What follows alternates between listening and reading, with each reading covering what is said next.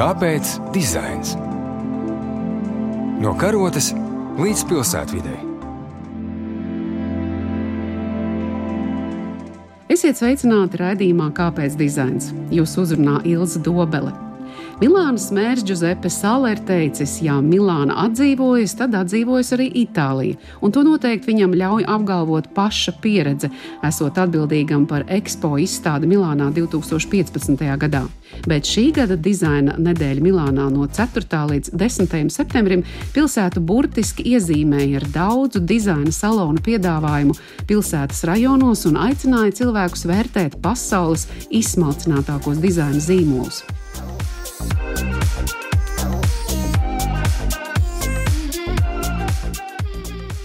Bet pirms vēl ar stāstījumu dodamies pilsētā, jāatzīmē Salone del Mobile, jeb mēbeļu izstāde, kura savā ierastajā laikā divus gadus nav notikusi. Šogad ievērojami mazāka tā pārtapa par supersalonu, tātad supersalonu, kuru drīz pēc atvēršanas apmeklē arī Itālijas prezidents Sergio Mattarella. Siamo pronti alla morte, siamo pronti alla morte l'Italia chiamò.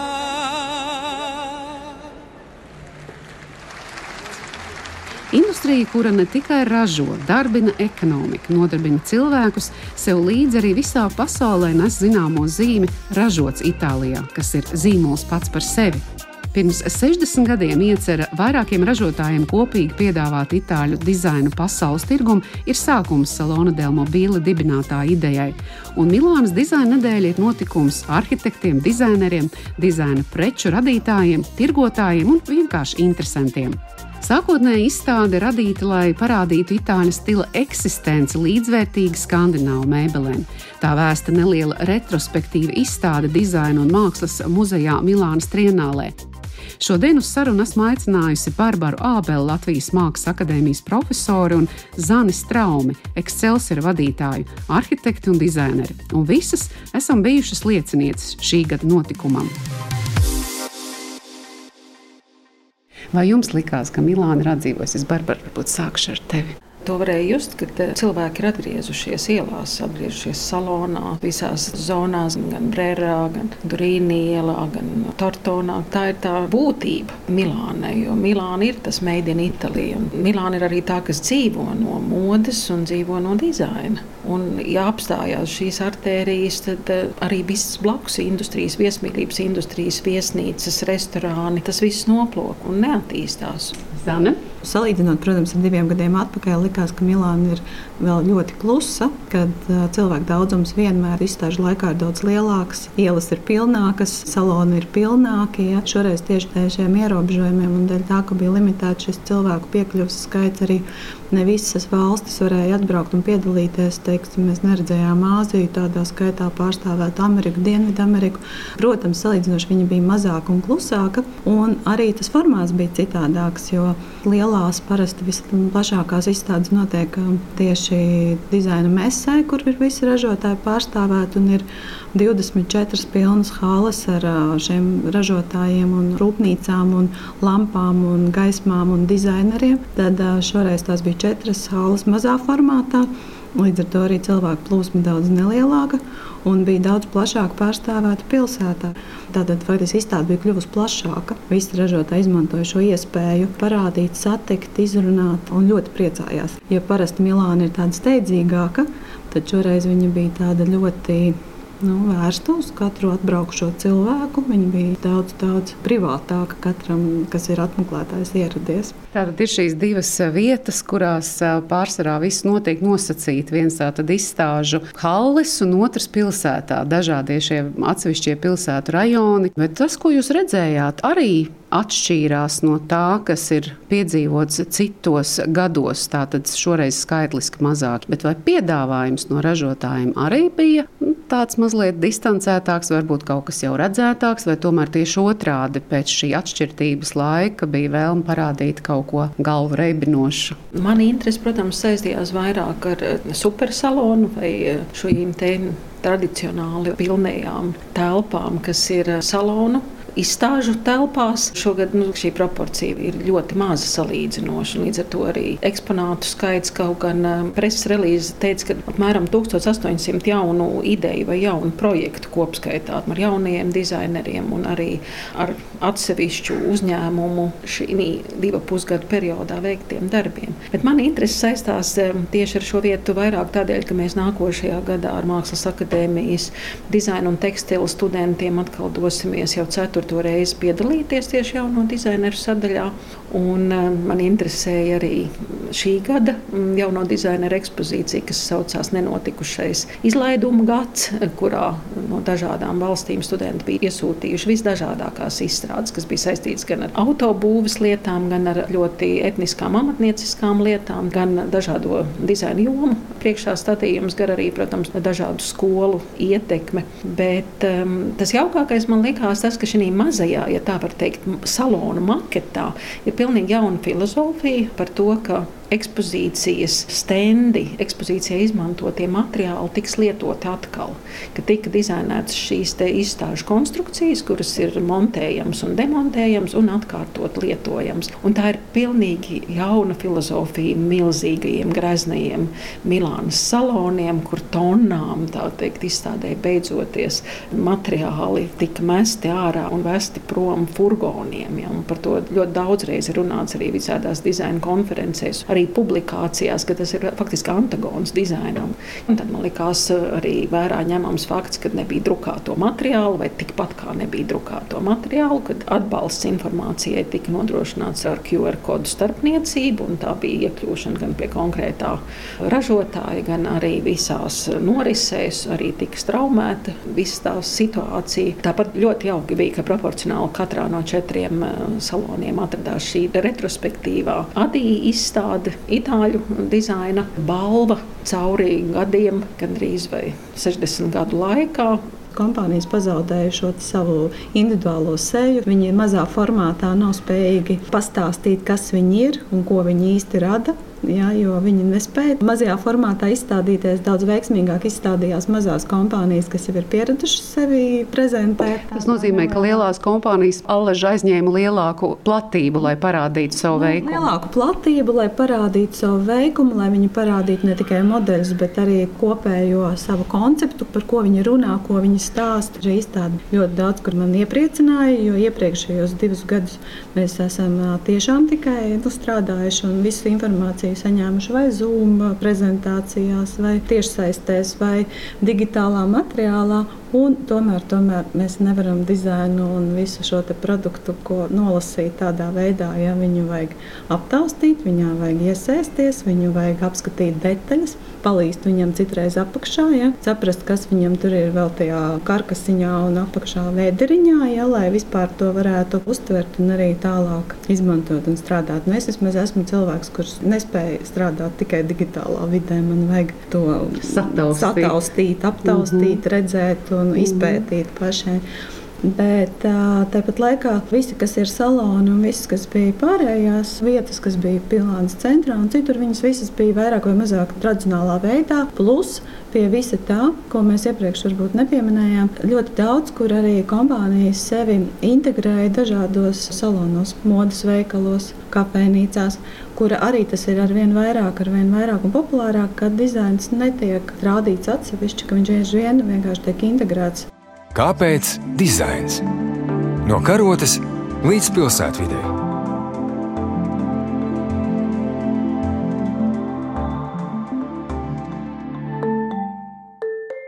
Ļoti interesantā veidā arī tika parādīti, manuprāt, ikoniskie krēsli, sākot no 1954. gada, kur katru gadu saņēmuši Itālijas industriālā dizaina balvu. Tur blakus šīm ekspozīcijām apskatot šos krēslus, bija arī tādas video fragmenti, kurās filmās, kurš krēsls ir ticis izmantots. Un arī tagad mēs sēžam katru savu krēslu salonā, un visticamāk, katram krēslam ir milzīgs stāsts un vēsture apakšā. Vai jūs uzskatāt, ka krēsls ir ir, kā tika pateikts šajā katalogā, nav cita objekta, kas tā spēj ietvert dizaina vērtību kā krēsls. Nu, krēsls ir tāda pamatvienība, un viens no sarežģītākajiem, man liekas, un tādiem komplicētākajiem dizaina produktiem, jo tajā nevar samelot. Tur vai nu nebūs forma, vai nebūs funkcija, nebūs komforts. Viņš ir arī viens no tiem, kas tiek visrūpīgāk testēts uz um, izdzīvošanu, jo cilvēki viņu lieto. Nu, labi, ir mums, protams, vēl arī virtuves mēbele, ko mēs virinam vaļā ciet, bet, bet krēsls tomēr ir viens no tiem pamata priekšmetiem, kur uh, vai nu ir, vai nu nav. Barbara. Tas patiešām ir nu, etalons mm. vai mēraukla un izaicinājums mm. gan dizaineriem, gan arhitektiem. Ne? Tā ir tā mazā forma, kur tā pārbauda notiek momentāli. Tā otra lielākā uzmanība, vismaz mana, tika vērsta uz dīvāniem. Nu, tur noteikti par dīvāniem atkal ir cits stāsts. Barbara arī tu noteikti var teikt, un arī Zani var teikt savu pieredzi ar dīvānu, arī um, apskatīšanu šajā izstādē. Ko jūs pamanījāt? Vienmēr dīvānu dizainā ir kaut kas jauns, kaut kas iepriekšējais, ka ražotājs meklē, gan dizaineri meklē jaunas idejas. Bet es neteiktu, ka tas bija kaut kāda šī gada speciāla mm. dizaina tendence, ka nu, būtu kaut kāds tur wow, dīvānos. Mm. Drīzāk jāsaka, ka tas, uz ko ražotāji ļoti šobrīd daudz strādā, tas ir tāpat ekoloģija, ilgtspējība. Tur gan ražotāji rādīja dažādus jaunus konceptus par šiem materiāliem, ko viņi izmanto. Un, ka, piemēram, tāda pati jau 20 un plus gadus ražota sofa ir uztaisīta pilnīgi jaunos, citos materiālos.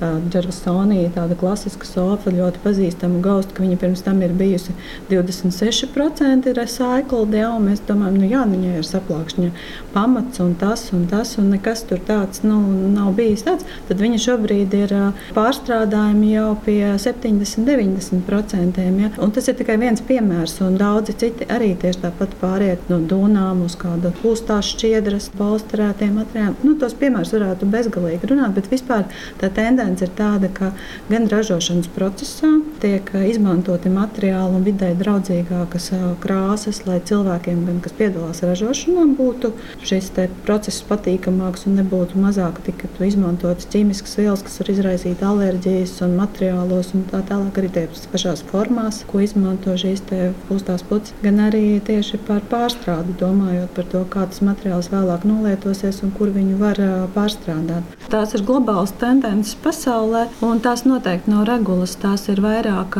saistītas ar pašu ražotāju, ražotāja virzību, ar viņa konceptu, ja kādā veidā viņi strādā. Tas nav nekas tāds, ko pieprasa un ierobežo. Mm. Bet varbūt lietotājs gan. Jo lietotājs, lietotājs gan, jo tas, tā ir viņa vēlme, jo šī ideja par reciklēšanu. Līdzīgi kā arhitektūras bienālē, ja ego versus eko, kurā pusē mēs kādā virzienā mēģinām to sistēmu visu pagriezt. Tas droši vien arī ir tas līdzatbildība sociālā. Jā, nu es savā ziņā gan teiktu, ka tieši lielie ražotāji, pirmkārt jau visi tie ikoniskie un nopietnie brendi ar nopietnu dizaina ieguldījumu, viņi arī domā par to, ka šis produkts nekad nebūs viengadīgs, divgadīgs. Viņš nebūs tāds, ko cilvēks palietos, izmetīs ja, pirmām kārtām. Jo labs dizainers cenšas izveidot produktu, kas kalpos un skaisti novecos arī un būs aktuāls arī pēc 10, 20 un 50 gadiem. Tas jau ir mm. viens tas ilglaicīgums, ja, mm. ko mēs gribam sasniegt un panākt tajā. Un otrs ir šie materiāli, gan, gan dabiskie materiāli, skaisti novecoja, kā viņi mainīsies, un plus vēl arī ražošanas piesārņojums un viss šī ekoloģiskā pēda, kas ko pat ražošana. Jo ļoti daudz, kur tehnoloģijas tiek mainītas, arī tieši tāpēc, ka lai viņi būtu cilvēkiem, kas strādā ražošanā, draudzīgāk. Jo atsakās pat no materiāliem, no tehnoloģijām, kas šobrīd tiek uzskatīts mm -hmm. par nesavienojamām ar cilvēku ražošanu. Mm -hmm. Piemēram, kā piemērs tīrā itāļu grupa, kā ir Bofīda Padova, kas ir itāļu gan dizains, vēsturiski, gan ražotnes. Visas ir šogad un pagājušajā gadā sākus sadarbību ar Japāņu kompāniju Style and Edition, kas ir absolūta Japāņu amatniecība, ienesot klāt. Pirmkārt, izveidojot ļoti ārkārtīgi skaistu ar japānisku ievirzēju kolekciju, izmantojot tradicionālās izgatavošanas metodes, gan arī tehnoloģiju metodes, cilvēku darbu, gan arī ieviešot klāt jaunus produktus, kas ir jau tāds mūsdienu Japāņu dizains, kas atkal jau sasaistās vairāk ar itāļu dizainu, ja, jo viņi ir iedevuši šo savu pienesumu atkal un to svaigumu šai kompānijai. Un tā arī ir viena no tādām tendencēm, ka ļoti daudz šie lielie zināmie ražotāji. Viņi izvēlās šo sadarbību vai ar māksliniekiem, dizaineriem vai ar amatniekiem. Un tādā veidā veidojot jauno dizaina tendenci mm -hmm. ar mhm. produktiem dažādās sfērās. Sākot no tiem pašiem krēsliem un koku izstrādājumiem, gaismas ķermeņiem, brīnišķīgiem arī atsevišķiem priekšmetiem, galdiem, keramikām un tā tālāk. Jā viens aspekts no tādas antiglobalizācijas tendencēm. Tas ir identitātes jautājums. Tas, ka tas materiāls ir lokāls un tas, ka prasmes, kuras šo materiālu padara par lietu, arī ir, ir lokāls. No vienas puses, no otras puses arī, protams, tas kādā veidā saglabā šo amatniecības prasmi. Jo, ja tā ir tikai tāda lokāla, suvenīra veidīga, tad ir liels risks, ka, teiksim, vecākā paudze aiziet un tas amatnoslēpums netiek nodots. Savukārt tādas dimensijas dizaina pasākumā, kas iegriež arī šo modes tendences un arī pieprasījumu ratu, ir lieliski, ka parādās visas tradicionālie amati. Šī keramika, podniecība, tekstils visdažādākajās formās, autentisks, teiksim, ļoti specifisks, reģionam raksturīgs, bet arī transformēts jau dizaina valodā atbilstoši laikmetīgā lietotāja gaumei, dzīvesveidam un vajadzībai, tīri funkcionālai. Mēs vienmēr esam lepni ar kaut kādu savu amatniecību, bet tas ir jāprot arī tai amatniecībai nodrošināt šīs turpinājumus. Mm -hmm. Pēctecība un arī savienojumība ar tādu mm -hmm. industriju.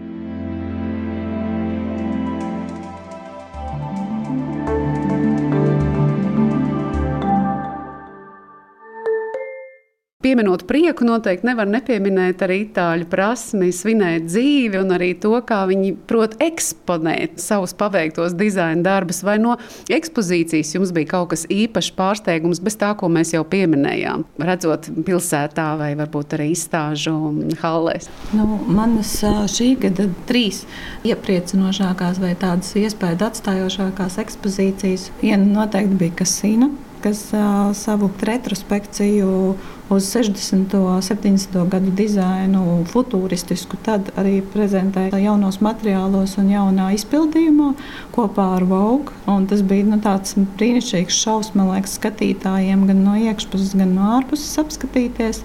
Un otrs bija ārā mēbeļu ražotājs Valentī, kas ir ārkārtīgi krāsās, iepriecinošs un spožs brands. Viņiem ir arī gan iekšā, gan ārā mēbeles, jo, kā mēs zinām, tā arī ir viena no tendencēm, ka šīs zonas saplūst. Un ārs ir iekštelpa un iekštelpa ir ārtelpa. Viņi netiek tā sadalīti, kas kā vienmēr brīnišķīgi rāda visu šo ekspozīciju ārā ar dekoriem, skaistiem, ar augiem, ziediem un krāsām. Iespējams, ka nedaudz to aizbrauc apskatīties, ja viņi rādīja pie savas ražotnes pie rūpnīcas, bet teiksim, pilnīgi, nu, tāda savādāka uztvere un filozofija, kura vienmēr ir tāda harmoniska, iepriecinoša, tāpat laikā ļoti tehnoloģiski spēcīga.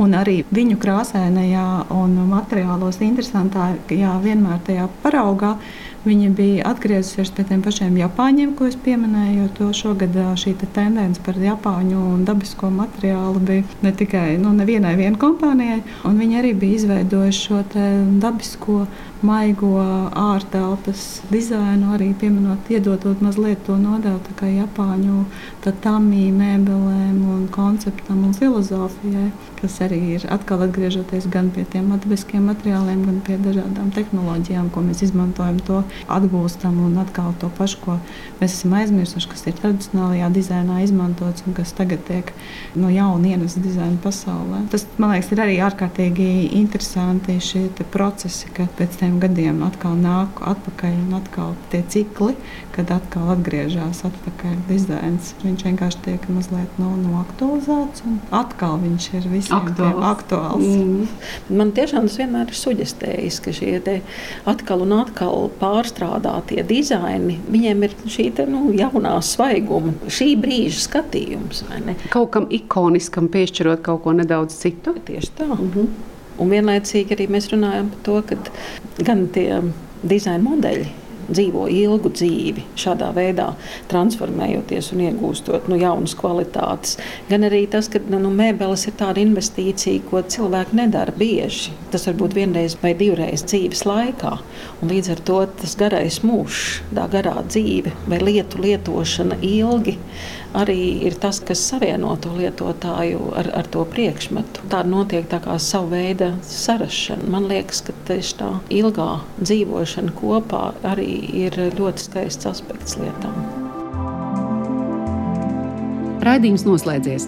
Tajā sarunājos ar Bārbaru Ābeli, Latvijas Mākslas akadēmijas profesori un Zani Straumi, salona Excelsior vadītāju, arhitektu, dizaineru. Milānas dizaina gars ir radījis kultūru, kuras skar ne tikai nozare iesaistītos. Līdzīgi kā liela festivāla, šis dizaina notikums saista ar tā vērienību, daudzveidību, bet cilvēkus ar vēlmu būt tā lieciniekiem. Radījums skaņu montē Judita Bērziņa, jūs uzrunāja Ilza Dobela, kāpēc dizains dzirdams arī Latvijas Radio 3 mājaslapā un lietotākajās podkāstu aplikācijās. Paldies Kultūra Kapitāla fondam par atbalstu raidījumu tapšanā. Uz tikšanos!